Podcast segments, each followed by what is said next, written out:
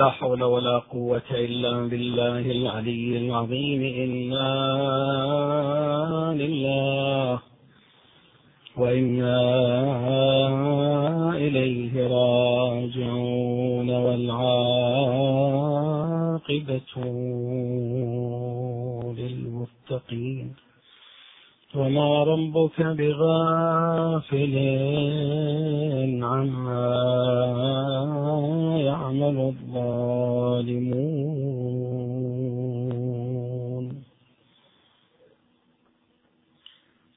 قوله تبارك وتعالى في كتابه الكريم.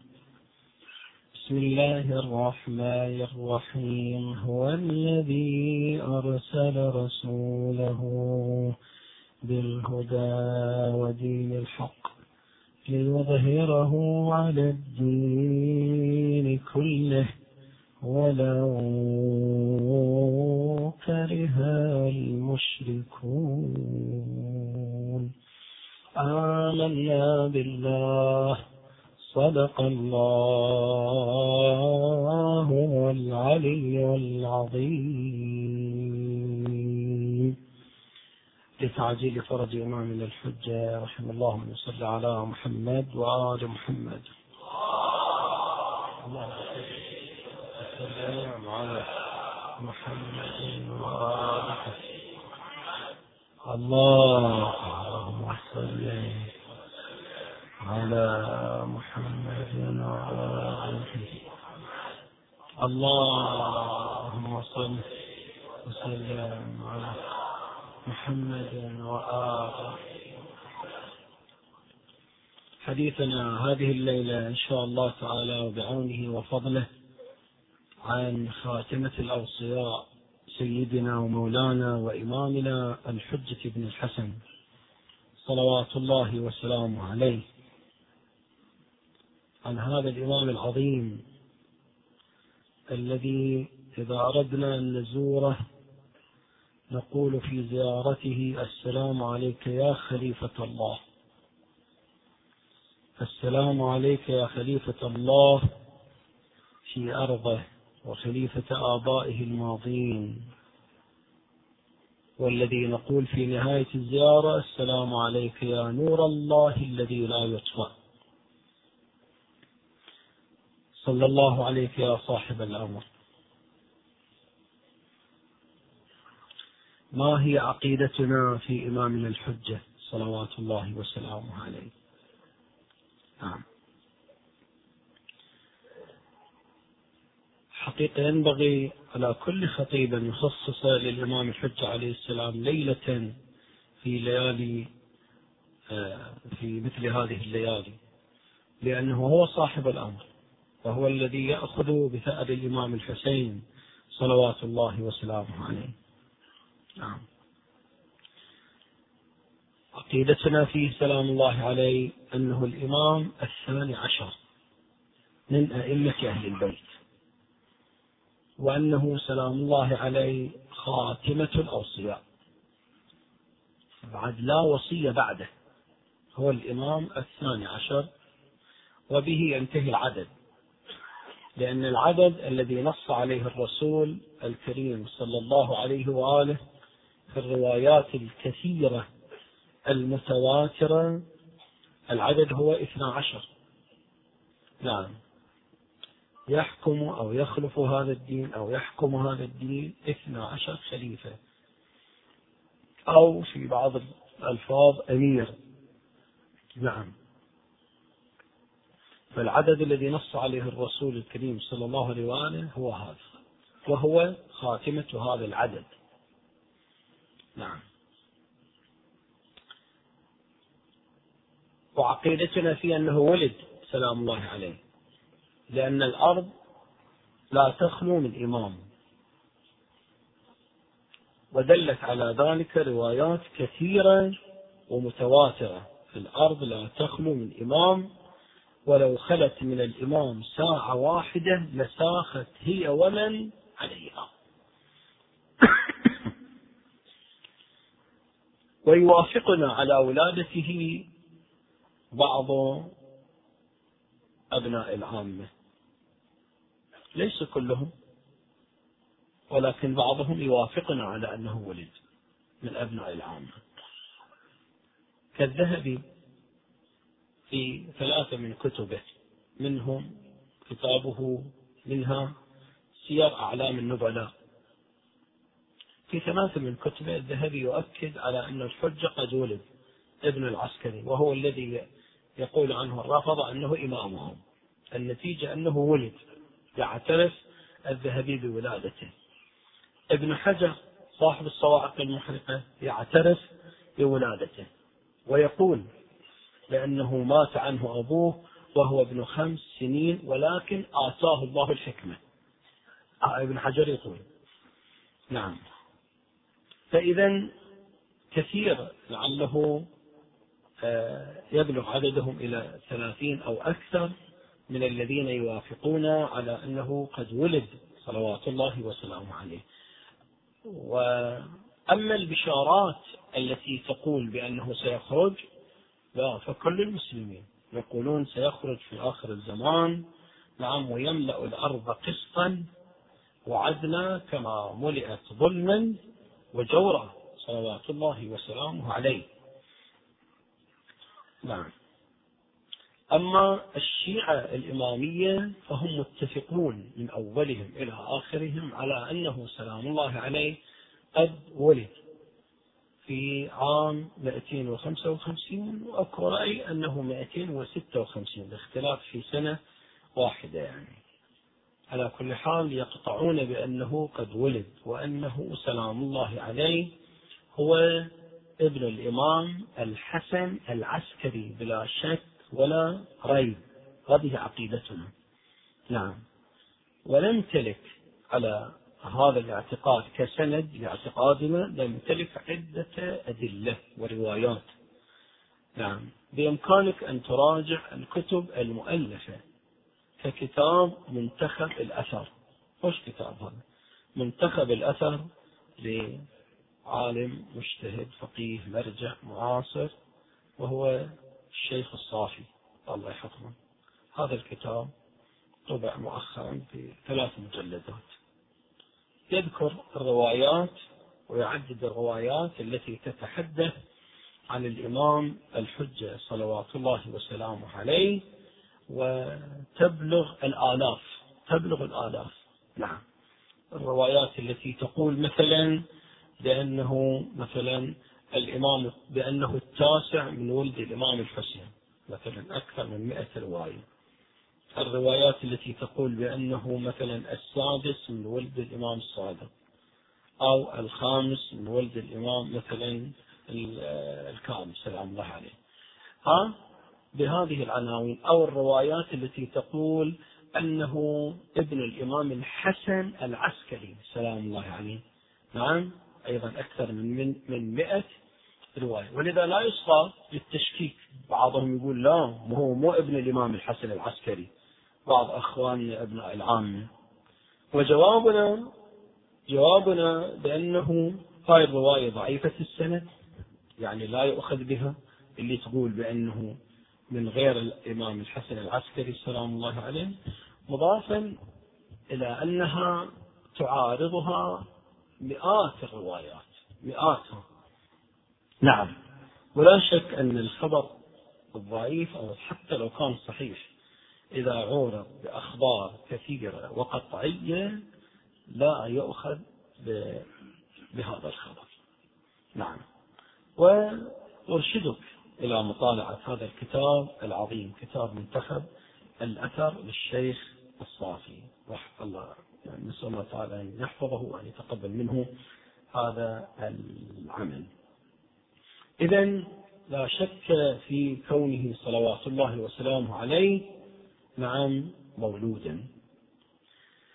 وقد نص الرسول الكريم صلى الله عليه وآله على إمامته وكذلك نص أمير المؤمنين صلوات الله وسلامه عليه والأئمة آه، من بعد أمير المؤمنين الإمام الحسين الإمام الباقر الإمام الصادق كلهم تحدثوا عن الإمام الحج عليه السلام وأنه سيملأ الأرض قسطا وعدلا كما ملئت ظلما وجورا.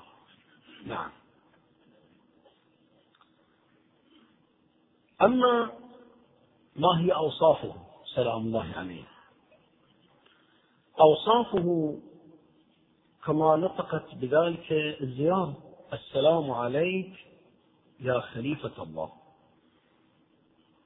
للإمام الحجة عليه السلام أكثر من 160 لقب أو اسم ما يقرب من 180 أوصاف مأخوذة من الروايات منها أنه خليفة الله. واضح شنو معنى خليفة؟ خليفة الله. الخليفة الذي نعم يقوم بدور عظيم يمثل الله تعالى في أرضه. يمثله في العلم يمثله في الكمالات يمثله في القدرة فهو مظهر مظهر لأسماء الله تبارك وتعالى. هذه عقيدتنا بأن الله تعالى لا يتجسد. الله تبارك وتعالى لا يتجسد ولا يحس وليست له جوارح تبارك وتعالى. نعم وإنما هو الغني المطلق والقادر المطلق والكامل المطلق والعالم المطلق وتعرف تبارك وتعالى على خلقه بآياته. فآياته وهم الأئمة الكرام سلام الله عليهم آياته هم مظاهر أسماء الله. نعم. فإذا هو خليفة الله. السلام عليك يا خليفة الله في أرضه. وهو نور الله الذي لا يطفأ. نور الله الذي لا يطفأ. هو الذي أرسل رسوله بالهدى ودين الحق ليظهره على الدين كله. ولو كره المشركون. روايات عندنا عن أمير المؤمنين عليه السلام عن الإمام الصادق يؤكدون على أن تأويل هذه الآية لم يأتي بعد. لم يأتي تأويلها. هو الذي أرسل رسوله بالهدى ودين الحق ليظهره. هذا الإظهار بعد لم يأتي. يقول الإمام الصادق عليه السلام إذا أخرج الله قائمنا أهل البيت نعم خرج تأويل أو تحقق تأويل. هذه الآية المباركة. نعم. ومن بل فهو نور الله الذي لا يطفى وهو الحافظ لأسرار رب العالمين. وهنا أريد أن أقف معكم وقف التأمل معا ومهم جدا فأرجو الانتباه لعلنا نوفق وإياكم إن شاء الله. نقول كلمات لله تعالى فيها رضا ولي ولكم إن شاء الله. أجر وثواب ومن خلالها نشير إلى بعض مقامات الإمام الحجة. سلام الله عليه ف نعم قبل ما أدخل في بيان هذا المقام العظيم اسبقوني بالصلاة على محمد وآل محمد.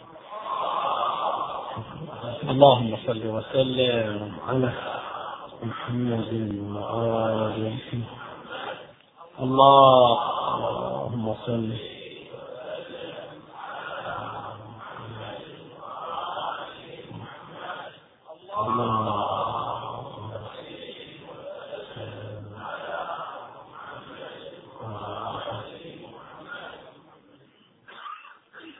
يجب أن نعرف الإمام. من هو الإمام؟ من مات ولم يعرف. إمام زمانه مات ميتة جاهلية لكن هذه المعرفة التي تحافظ على إسلامي وعلى ديني وتصح صلاتي يكفي فيها أن يعرف أنه الإمام الحجة ابن الحسن الثاني عشر المفترض الطاعة الكامل المعصوم خلاص كل من يعتقد من رجل من امرأة بهالعقيدة البسيطة إمامك من؟ صاحب العصر والزمان ما هي أوصافه؟ معصوم مفترض الطاعة. الله فرض علينا طاعته. الله جعله إماما. هذا كفر هذا يجعلني شيعيا. أما الشك في ولادته يخرجك عن التشيع. الشك في كونه معصوما سلام الله عليه أيضا يخرجك عن بريء عن التشيع. زين؟ الشك في كونه تجب طاعته أم لا أيضا يخرجك عن التشيع. إذا اللي حافظ على تشيعك المعتقدات البسيطة هو حي. آه، حي. حي لا تخلو الأرض منه. يرزق سلام الله عليه حي يرزق إمام مفترض الطاعة معصوم. هذا كافي. هذا كافي لأقل الإيمان. هذا كافي لأقل الإيمان. نعم. ولكن ينبغي علينا أن نعرف نعم آه، من مقاماته. ما يمكننا أن نعرف. لماذا؟ الله تبارك وتعالى زود الإمام بأي شيء زود الإمام؟ زود الإمام الحجة سلام الله عليه بالعصمة المطلقة وبعد وزوده بالعلم اللدني. العلم اللدني كما زود الله تعالى الخضر التفت وياي هم؟ الخضر زوج بالعلم اللدني وآتيناه من لدنا علما. لاحظ لاحظ. وبواسطة هذا العلم اللدني استطاع الخضر أن يتصرف وفقا وفقا للعلم اللدني تصرفات ما كان نبي الله موسى يعرفها. نعم. هل أتبعني على أن هل أتبعك على أن تعلمني؟ تعلمني. يقول الله موسى يقول للعبد الصالح هل أتبعك على أن تعلمني؟ عجيب. إذا يوجد علم عند الخضر وهو لا يوجد عند نبي الله موسى. هذا العلم الموجود عند الخضر هو العلم اللدني وآتيناه من لدنا علما. هذا العلم اللدني ها؟ لا نعرف كيفيته. اسمع. ولا نعرف ماهيته.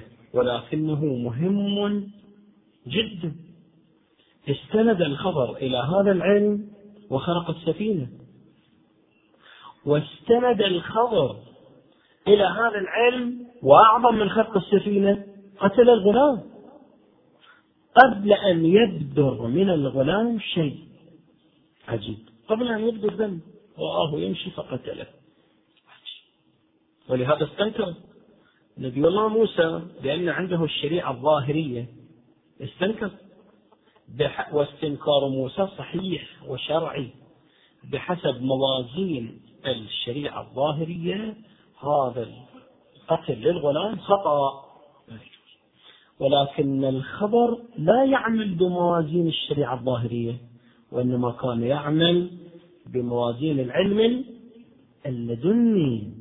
والعلم اللدني له مقتضيات وله آثار غير آثار بل العلم الظاهري المستند إلى الشريعة الظاهرة. ثم إن الخبر بين لنبي الله موسى قال سأنبئك بتأويل ما لم تحط به. عندي تأويل عندي تفسير لأفعالي تتوافق مع العلم اللدني أما الغلام كذا الغلام كذا. لو بقي الغلام لجر والديه إلى الكفر وبعث ولو بقي الغلام لمنع من وجود سبعين نبي. الروايات تقول لكنه قتل هذا الغلام وحافظ على إيمان والديه وبالتالي رزق أبواه بنتا ومن هاي البنت الله تعالى أخرج سبعين نبيا. زين ما هو لاحظ دور السبعين نبي في هداية العالم وإرشاد الناس. نعم. كان وجود هذا الغلام يمنع من حدوث هذا التغيير لأن الأنبياء يغيرون. عجيب. لاحظ لاحظ شوي وياي تابع. أنا مو مهم أطول مهم أنك تركز عن اللب. إذا كان الخبر بواسطة العلم اللدني عنده نظرة استقبالية لما يحتاج إليه العالم. نعم؟ فشخص أنه لابد أن يقتل هذا الغلام لأن مصلحة العالم في المستقبل. تحتاج أن يقتل الغلام الآن. فالنظرة للتغيرات وما يجري وما يحتاج إليه الناس. وما اسمعني وما يحتاج إليه الناس في المستقبل. هذه النظرة لا تتأتى من العلم الظاهر. وإنما تتأتى من؟ من العلم اللدني ولهذا أعمل الطاقات اللي عنده واستخدم العلم اللدني وقتل القرآن يقول هذا الموحد وقتل الغلام وبنى الحائط وكسر السفينة وخلقها. خش من بعد هالمقدمة التفت اليوم العالم. اليوم العالم يطالب من التغيير ها في كل شيء. يقول لك العالم متغير. نعم العالم متغير والعالم متطور. بل شريعة عيسى نسخت شريعة موسى. وبينهم نقول ألف سنة. مو شريعة موسى نسخت الشرائع اللي قبلها. فلماذا لا يأتي ناسخ لهذه الشريعة؟ إخوان أخوات اسمعوني زين رحم الله والديكم هذا الإشكال قاعد يطرح في البالتوب في الإنترنت القنوات الفضائية. فأين الجواب؟ يلا. لابد أن نجيب علينا نحن كمسلمين لابد أن نجيب حينما يطرح علي المثقف يقول لي العالم كله قاعد يتغير. في حركة في تغيير. و وال و ومتطلبات هذا العصر كثيرة. والله أعلم متطلبات العصر الذي سيأتي بعد ألف سنة أكثر من متطلبات هذا العصر صحيح أم لا؟ فإذا كان الفترة بين موسى وعيسى هالوجيزة هذه ألف سنة أكثر أقل اقتضت أن الله يغير شريعة ويأتي بشريعة جديدة لماذا نبقى نحن على هذه الشريعة؟ 2000 سنة 3000 سنة الله أعلم متى يوم القيامة من يدري؟ واقعا من يدري؟ اكو بعضهم يقول لك لعل الحجة يطلع بكرة. ما تدري؟ صح يحتمل بكرة. لكن سيد الإمام وغيره يقول نظرية ثانية يقول لعله بعد خمسة آلاف سنة. ما تدري؟ لا تعلم. الغيب ما لا نعلمه. زين. فالله أكبر. الله هذه الآن معطيات الشريعة هل بإمكانها أن تلبي حاجات الإنسان الذي سيأتي بعد خمسة آلاف سنة؟ هذا واضح الكلام؟ لهذا الفكر الماني بألبسة مختلفة. ها؟ عدة ألبسة يحاول أن يبث شبهاته ويحاول أن يفصل الدين عن الحياة. إيه؟ بل قد يحاول يشكك إما في البكاء على الحسين. يقول هذه الآن نحتاجها ذاك الوقت. الآن لا نحتاج إلى قضية البكاء. يمكن بل يخلق فيك كآبة أو ما أدري شنو. يكون حكيم أي نعم. وأيضا بعضهم يقول حتى للصلاة أو للحج ما نحتاج نعم. هي الجرأة يعني ذات مراتب. بعضهم فقط يجرأ على البكاء يحكي وبعضهم لا على الصلاة يحكي على الحج يحكي بعضهم على مثلا القيادات الإسلامية يحكي وهكذا. كل ناتج من شنو؟ أنه اسمعني أن هالمحصول اللي عندك ما يغطي حاجات الإنسان. اليوم الإنسان أصبح ناضج خلاص هو يفتهم ويستطيع أن يحل مشاكله. غير الإنسان اللي قبل ألف سنة. واضح؟ نحن ماذا نقول لهم اسمع نحن نقول لهم إن الله تبارك وتعالى ضرب لكم في القرآن مثلا وهو موسى والخط فموسى عنده علم الشريعة بل الظاهرية والشريعة الظاهرة وحدها ما كانت تؤدي إلى قتل الغلام وما كانت تؤدي إلى بناء الحائط أو كذا. زين فالشريعة الظاهرية وحدها ما كانت كافية لأنه لو كانت وحدها لما قتل الغلام ولا حرم الناس من سبعين نبي ولا حرم الناس من كذا وكذا. لكن أوجد الله الخطط ليعمل ليعمل في الخفاء وأعطاه العلم اللدني فوجد عبدا من عبادنا. لاحظ الآية؟ علماء يقولون عبدا من عبادنا يعني مو فد واحد. هو موسى وجد واحد لكن الموجود كم؟ أكثر. يعني أكو سنخ من العباد إحنا الباري يقول أكو سنخ من العباد مجموعة من العباد زودناهم بالعلم اللدني. بالعلم اللدني. وبواسطة هذا العلم اللدني يعملون بالخفاء ويحدثون تغيرات مهمة تكون في صالح المجتمع الإنساني. لاحظ شلون؟ إحنا عقيدتنا الشيعة في امامنا الحجة بل في أئمتنا جميعا أن الله زودهم بالعلم كله ولا رطب ولا يابس إلا في كتاب مبين. فكل شيء أودعه الله في الكتاب المبين. اسمعني شنو معنى كل شيء؟ ها؟ شوي عن الكلام. شنو رحم الله والديكم؟ افترض الآن أنا إحنا الان أحكي وياكم بفترض أن العلماني هم يسمع اللي هو إن شاء الله مو حاضر عندنا لكن يسمع. نقول له آه نعم.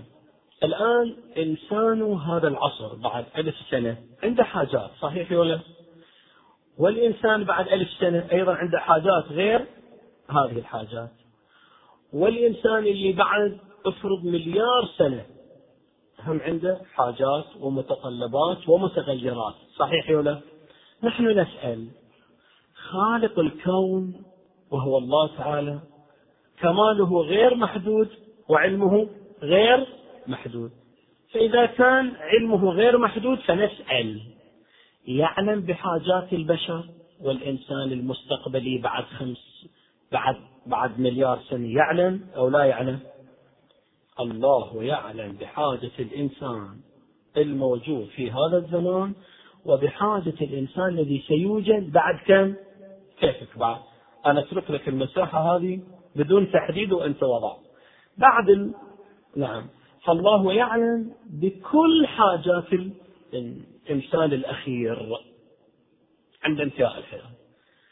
هذه الحاجات والمتطلبات التي يحتاج يحتاجها الإنسان بشكل نهائي يعلم بها رب العالمين وزود الله بها إمام الحجة سلام الله عليه. هذا معنى شنو؟ السلام عليك يا نور الله الذي لا يطفأ. السلام عليك يا حافظ أسرار رب العالمين. أسرار رب العالمين من جملتها ما يحتاج إليه. الإنسان نعم سواء الإنسان الموجود اليوم أو الإنسان الذي سيوجد بعد كم؟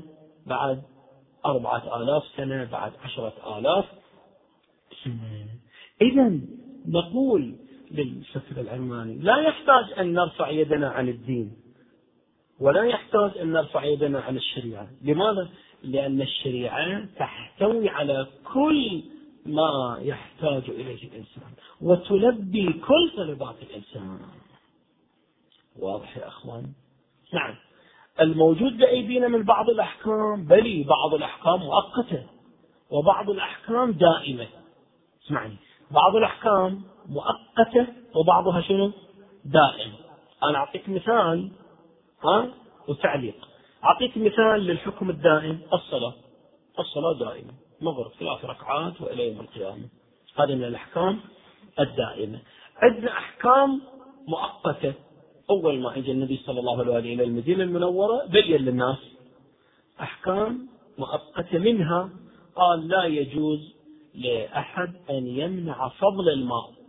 لو كان عندك ماء وسقيت زرعك وبلي وفضل لا يجوز أن تحبس فضل الماء عن جارك. عجيب. هذا حكم ولايتي. هذا حكم مؤقت. الآن انتهى. خلاص. يجوز لأن أن أحتفظ بفضل الماء حتى لو مات الزرع صاحبي وجاري. يجوز. ما علي إثم. لاحظ شلون؟ لأن ذاك الحكم كان استثنائي. زين. هذا عرفت شلون؟ قسمت لك الأحكام إلى دائمة وإلى مؤقتة. عندي تعليق. مهم جدا. أرجو الالتفات إليه. من الذي يشخص أن هذا الحكم داخل في القسم الأول الدائم أو داخل في القسم الثاني؟ المؤقت من هو اللي يشخص المشكلة اللي ابتلينا به اليوم في هالزمان أنه كل من يجي وقال أنا عندي قدرة على التشخيص يجي دكتور يجي طبيب مو كلهم بعضهم ها. يجي مهندس يجي مثقف يجي جامعي يجي غيره يقول لا أنا هم عندي بعد نظرة.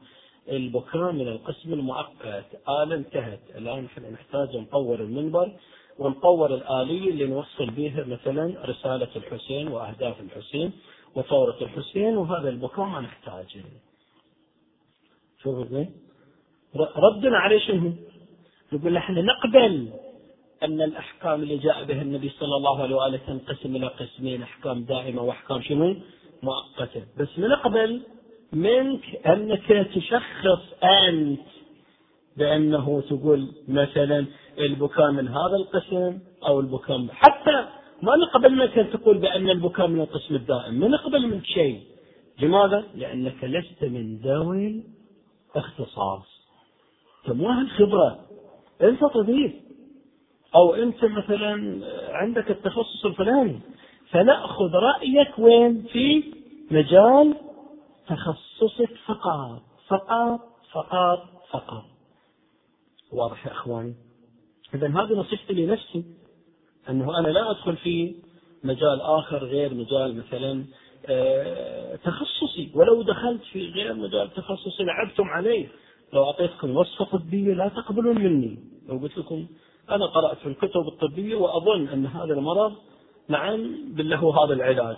تقبلون مني الشيخنا يقول الشيخنا هذا مو شغلك. أرجوك مو شغلك. روح على المنبر وروح ادرس زين.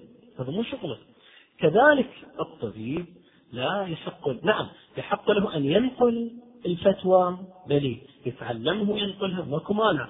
أما أن يعطي رأيا أو ينفعل في القضية لا ليس من حقه. هذا كلامي لمن؟ للطبيب. بعدين كلامي لكم.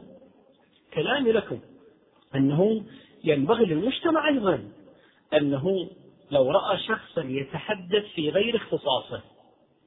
أبدأ بطلاب العلم. أنا لو رأيتموني أتحدث في مجال غير مجال اختصاصي لا تقبلوا مني. نعم. الآن لو أعطيكم رأي من آرائي يقول لا أولا شيخنا إحنا لا ندري إنكم من أهل الخبرة عمدا أنا أقول لك أنا مو أهل الخبرة. زين؟ هذا قاعد أقول لك. وثانيا إذا افترضنا أنك أنت من أهل الخبرة زين فنحن ادري مراجع. وأنا لما أسمع منكم هالكلام أحترم نفسي والله. لكن إذا ما أسمع منكم هالكلام بالعكس أقول شيء من آرائي الشخصية وأنزل وتقبلون إيدي وتقبلون رأسي يقول والله خوش. خوش مجتمع حصلنا وخوش صور حصلنا. ها؟ وبعد. كل ما عندي بعد من أفكار وآراء شخصية ليت الجاية أطرحها وليت عاشر أكثر بعد أطرحها. لكن إذا أشوفكم تحاسبوني تقول من فقط تتكلم في مجال اختصاصك إن كنت من لا لا لا حتى لو كنت من أهل الخبرة لا نريد منك أن تنقل لهذا المجتمع إلا آراء مراجعهم. ومن يقلدونها كذلك لا تقبل من الطبيب. كذلك لا تقبل من المثقف إذا أراد أن إذا تدخل في شيء بل في شيء هو من غير شنو؟ من غير اختصاصه ابتلينا والله العظيم ابتلينا قبل فترة واحد يجي مثقف يقول لي والله هذا الخمس مو واجب. خمس هم كان داخل في القسم الثاني مثل لا يمنع أحدكم فضل الماء. هذا حكم داخل في الأحكام المؤقتة فقط لا, لا, لا نحتاجه. هذا شغلك هذا مو شغلك كيف تفتي؟ عايم بلي أفتي أتدخل نعم فعلى كل حال هو إذا لم يحترم نفسه ولم يحترم ولم يعترف بأن للفقه مختصين أنت ينبغي أن تحترم كمستمع هذا الاختصاص فلا تصغي نعم لغير شنو؟ لا تصغي لغير المختصين المنبر أمانة ولا تصعد على المنبر إلا من هو أهل ولا بل فالمسؤولية على الخطيب على أهل الحسينية على أهل المنبر على المستمعين كلهم المسؤولين متوزعة على الجميع. أنت كمستمع إذا تشوف هذا صاحب الحسينية ما ما عنده هذا الشيء مسكين ما عنده ال ال الالتفاتة نعم فأنت لا تجي أو نبه. على كل حال فإذا أرجع إلى صلب الموضوع وأقول بأنه الإمام الحجة سلام الله عليه زوده الله بالعلم اللدني والعلم اللدني يحتوي على ماذا؟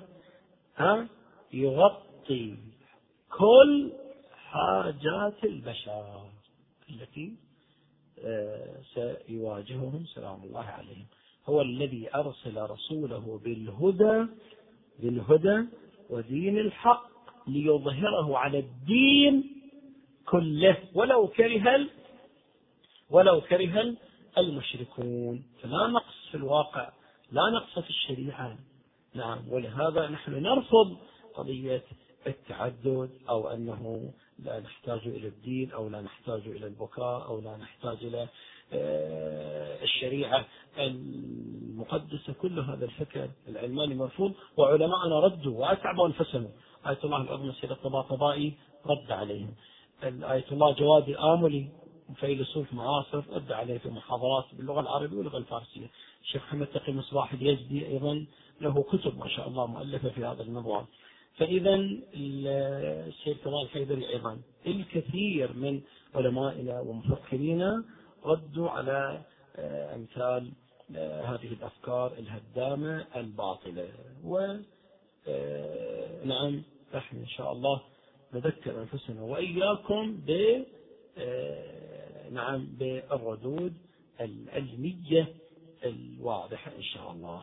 فهذه عقيدتنا في إمامنا الحجة سلام الله عليه أن الله زوده بالعلم شنو؟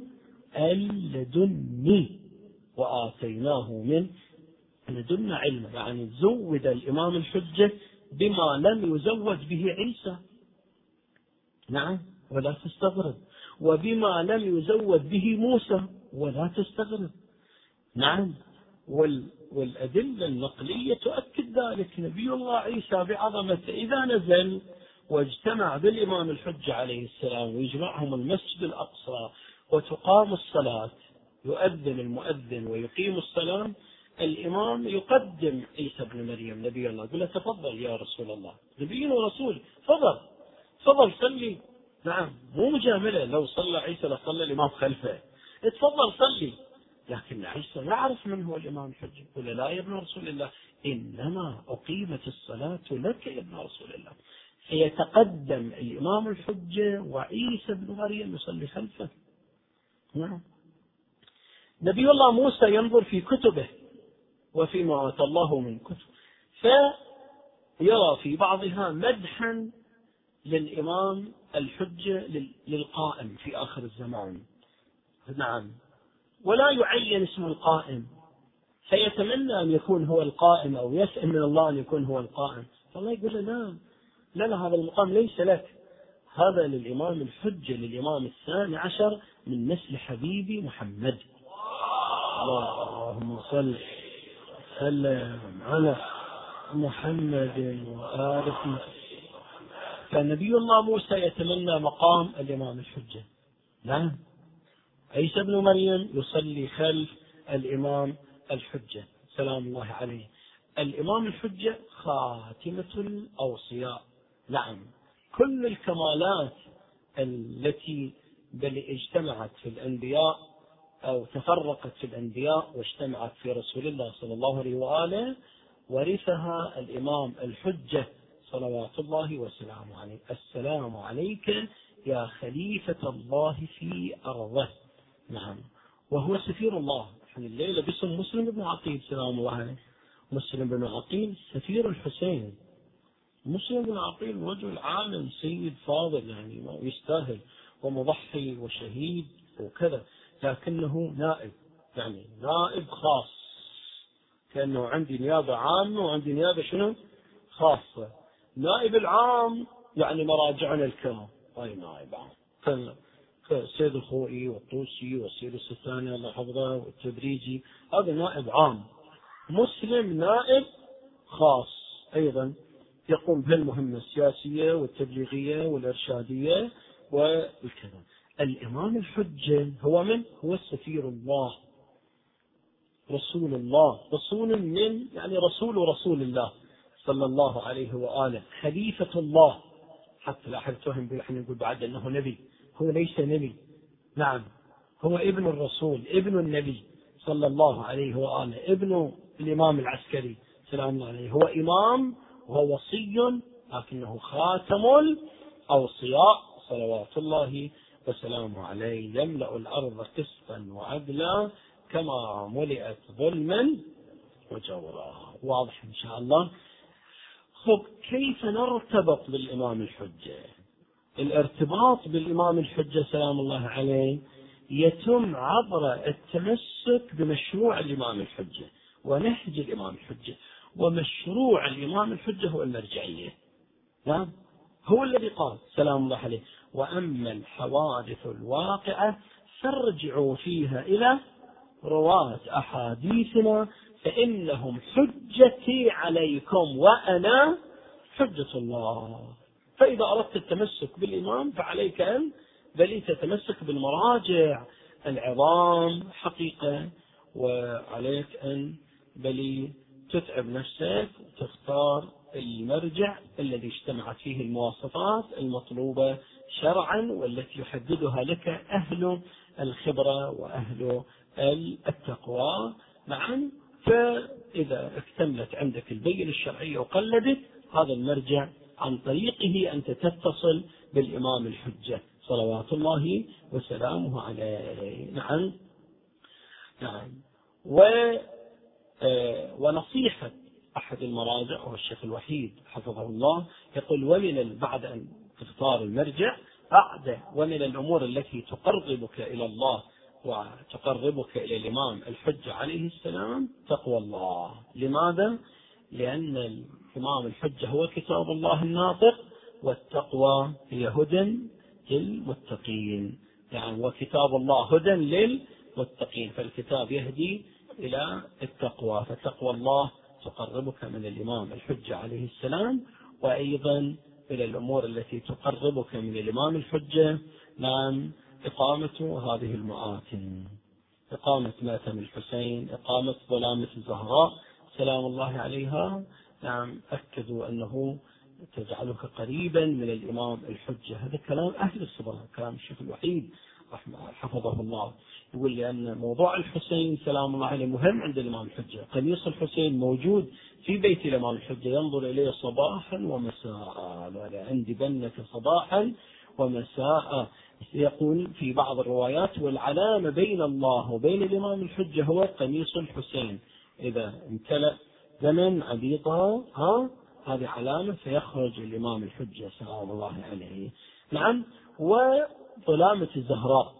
ظلامة الزهراء أيضا الإمام الحجة عليه السلام يتذكرها أيضا أو هي على هو على هي على ذكر منه صباحا ومساء وأخذت من وقته الكثير وعصرت قلبه ألما سلام الله عليه. فذكرك لمصيبة الزهراء عليه السلام أيضا يلفت نظر الحجة سلام الله عليه إليك. ذكرك لأيام عاشوراء حضورك المجالس أيضا يلفت نظر الإمام الحجة إليك ويجعلك إن شاء الله من المرضيين. أن تداوم على قراءة دعاء الندبة نعم يوم الجمعة في الأعياد.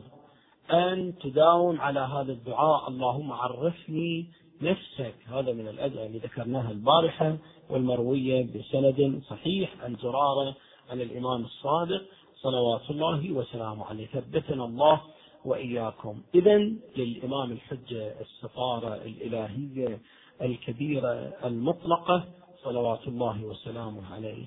ولسيدنا مسلم بن عقيل. نعم سلام الله عليه. السفارة الخاصة لكن عن المعصوم. فالفرق أن مسلم سفير المعصوم. نعم في زمن محدود وفي أرض محدودة في الكوفة مو الوكيل المطلق. في الكوفة إلى أهل الكوفة وفي هذه الفترة. أما الإمام الحجة لا مطلق. مراجعنا شنو؟ نائب عام بنسميه، من نسمي نائب خاص؟ نسميه نائب عام وضمن آه، ضوابط. وكما يشترط في الإمام شروط يشترط في السفير الخاص شروط يشترط أيضا في النائب العام أيضا آه، شروط ومواصفات والمواصفات للسفارة الخاصة متجسدة في مسلم ابن عقيل سلام الله عليه. ولذا قال الحسين إني باعث إليكم أخي. وثقتي والمفضل عندي من أهل بيتي مسلم بن عقيل. فاسمعوا له وأطيعوا. زوده بهذا الكتاب. ساعدوني بعدها. خلينا ننتقل للمصيبة يستاهل مسلم بن عقيل. بطل مؤمن تقي ورع شهيد مجاهد. يقول عنه الرسول في بعض الروايات لعقيل إني أحبك أو لأبي طالب حبين وحب آخر شنو؟ لأنه يخرج من صلب عقيل ولد اللي هو مسلم يقتل في نصرة ولدي الحسين تجري عليه دموع المؤمنين. فكأنه يفهم من هذا الحديث علامة أن العين الباكي على مسلم إن شاء الله عين مؤمنة. أيوا سيداه ومسلماه يأتي مسلم إلى الكوفة ويعرض كتاب الحسين ويبايعون حتى بلغ عددهم الآلاف. ولكن حب الدنيا والخوف من الموت آه حب الدنيا رأس كل خطيئة لما جاءهم ابن زياد وخوفهم وطمعهم تركوا بيعة الحسين وغدروا بمسلم حتى جاء الليل وصلى بأصحابه. لمن بقي من أصحابه صلى صلاة المغرب. وما فرغ من الصلاة والتفت حتى أنه لم ير منهم واحدا. وبقي مسلم وحيدا فريدا خرج من المسجد يتلفت لا يهتدي الطريق. آه حتى وقف على باب امرأة يقال لها طوعا لا يعرفها لكنه احتاج إلى الماء طلب منها شربة من الماء أعطته ولكن لاحظت أن الرجل لم لم يتحرك. لم يزل باقيا على باب بيتها. قالت له أنا امرأة غريبة أو امرأة أجنبية لا يحل لك الوقوف على باب داري. عرفها أنها مسلم لأنها لاحظت فيه علامات الشهامة والهيبة والوقار. وقال لها هل تجيرين هذه الليلة لعلي أكافئك يوم القيامة؟ من هذا الذي يعد بالشفاعة؟ قالت لعلك مسلم. وسيداه ومسلما. مسلم وقف ينباب طاعة يدير الأفكار. خجلان راس منكسة والدمع نثار طاعة تقل اش حاجتك من وقفتك هاي. قالها وهو مغبون يخفي الصوت بهداي. عطشان أنا بالله وطلعي لي شوي ماي.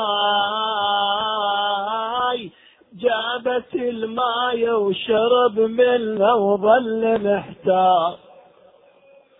الله العين الباكية على مسلم عين مؤمنة. قالت شربت الماي لا توقف على الباب. قالت شربت الماء لا توقف على الباب. عيب على مثلك وقفتك ببيوت الأجناب. كنك جليل وشوفتك يا شام تنهاب. لهلك دروح القمر غرب والنجم دار. الله أدخلت مسلم بن عقيل أفرغت له حجرة أو غربة لوحده. شرع يصلي يقوم ويقعد ويركع ويسجد وكان لها ولد يبحث عن مسلم. رأى أمه تتردد وتكثر من الدخول في تلك الحجرة. سألا أخذت عليه العهود والمواثيق وأخبرته وسر الملعون بذلك سرورا. وما انطلع الفجر حتى خرج اللعين وأخبر ابن زياد وقال إن أمه تجير الأعداء. عظم الله أجوركم. أما مسلم تقول طوى دخلت عليه. قلت له سيدي ما رأيتك نمت البارحة؟ قال بلى. هومت عيناي بالنوم قليلا. رأيت عمي أمير المؤمنين. رأيت رسول الله يقولون لي عجل إنا إليك مشتاقون. قال وتأويل رؤياي أني أستشهد هذا اليوم. يا مؤمنون عظم الله أجوركم. وإذا به يسمع قاقات النجوم واصطكاك الأسنة وإذا بالقوم هجموا عليه وهو في الدار قال طوعا ناوليني سيفي ولا حرمي أخذ السيف قاتلهم أخرجهم من الدار. تكاثروا عليه قلب الميمن على الميسرة. والميسر على الميمنة واشتركوا في قتله حتى النساء. صعدنا على السطح أخذنا الخرق أشعلنا فيها النار.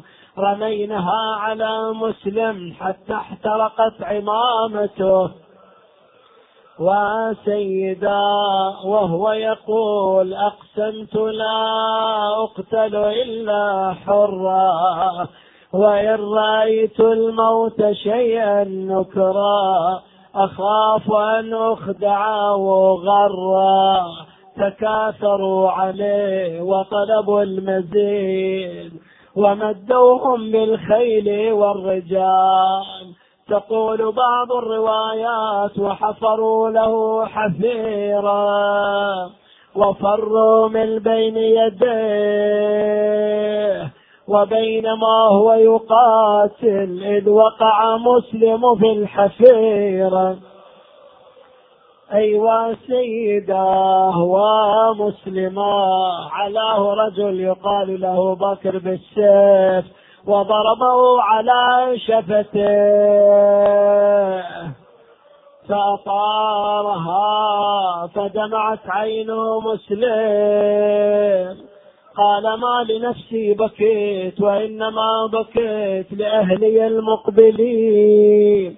أوثقوه كتافا أخذوه إلى ابن زياد وطوعة تقول اتركوا لي ضيفي يا عظمها خجلتي بيك قالوا يتركونك كان قلبي وداويك كان اسلمت من كيدهم سلم على حسين صاحت يا مسلم يا عظمها خجلتي بيك إيش بيدي وأنا حرمة وضعيفة ما أقدر احميك لو كان الدواء قلبي لفت قلبي وداويت كان سلمت من كيدهم سلم على.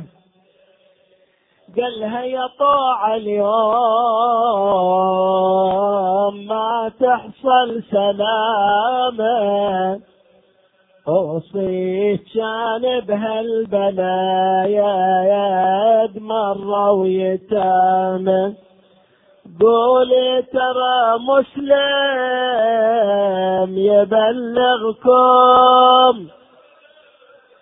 سلامة وأجرك على الله والنبي سيد الكون. عظم الله أجوركم أدخلوه على ابن زياد ولم يسلم. قالوا له سلم على الأمير. قال أميري حسين.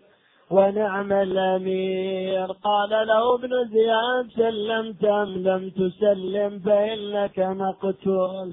طلب جرعة من الماء لشده العطش. فجيء له بالماء قربه من فيه فامتلأ الإناء دما عبيطا إلى ثلاث مرات.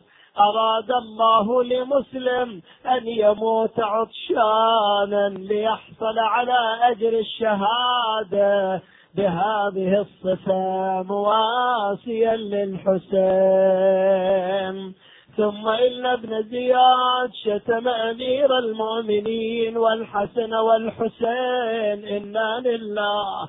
اللهم العن أول ظالم ظلم حق محمد. وآل محمد وآخر تابع له على ذلك. اللهم العن العصابة التي حاربت الحسين وشايعت وبايعت وتابعت على قتله. اللهم العنهم جميعا. ثم صاح ابن زياد أين بكر الذي ضربه على شفته؟ أجابه بالتلبية. قال اصعد بمسلم في أعلى القصر واضرب عنقه. وارمي بجثته. صعدوا بمسلم. وهو يسبح الله تعالى ويقدسه متوجها إلى الشهادة إلى الموت دون الحسين. وفقنا الله وإياكم لنموت بين يدي إمامنا الحجة وعلى نهج الإمام الحجة على الولاية والبراءة. عظم الله أجوركم. قال امهل يصلي ركعتين؟ صلى ركعتين يا الله. ثم توجه نحو الحسين. مع مسلم. توجه نحو الحسين. صاح السلام عليك يا أبا عبد الله. هل وفيت؟ الله. قال وعليك السلام. اجى الجواب نعم وفيت. أنت هم قول للحسين هل وفيت؟ ما أدري. تقدر تقول له؟ أنا ما أدري إذا عندك تقصير في الصلاة ما تقدر تقول له. إذا عندك تقصير في الخمس ما تقدر تقول له. إذا عندك ظلم لزوجتك ما تقدر تقول له هل وفيت. أو ظلم لأولادك أو عقوق لوالديك ما تقدر تقول للمعصوم هل وفيت. مسلم قال له هل وفيت؟ قال له نعم. يعني مسلم ما عنده تقصير. صلاته تامة. اموره تامة كلها تامة. إحنا نسأل من الله أن يعيننا وإياكم أن نكون على نهج الحسين. لنقول له قبل ما تطلع أرواحنا هسه ما أقدر أقول له والله ما أقدر أخاف. أعرف نفسي أنا مذنب ومقصر. إلهي بحق مسلم وفق لي لطاعة الحسين. أريد قبل ما أموت ألتفت للحجة. أقول له الصدق أنا وفيت ولا؟ تقدر تقدر تخلي الخاتمة هالشكل؟ تقول للحجة هل وفيت؟ يعني هل بكيت على الحسين؟ هل لعنت الأعداء؟ يودا أنت شوية. يا رميت على الأعداء وخففت من الظلامة. هل أديت الحقوق؟ هل صليت؟ هل صرت؟ هل هل هل هل؟ حتى تقول له هل وفيت؟ قال الحسين نعم وفيت يا مسلم عظم الله أجوركم. قال له اللعين قرب رقبتك. قال لا يجوز أن أعين على قتل نفسي. رفع اللعين السيف حتى لاح الموت في أطرافه وضرب عنق مسلم.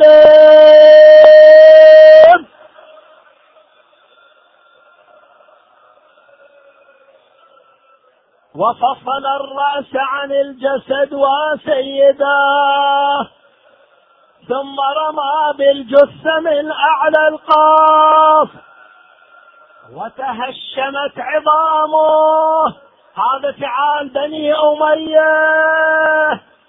إنا لله وين الجسد ذبوه من قصر الأمارة.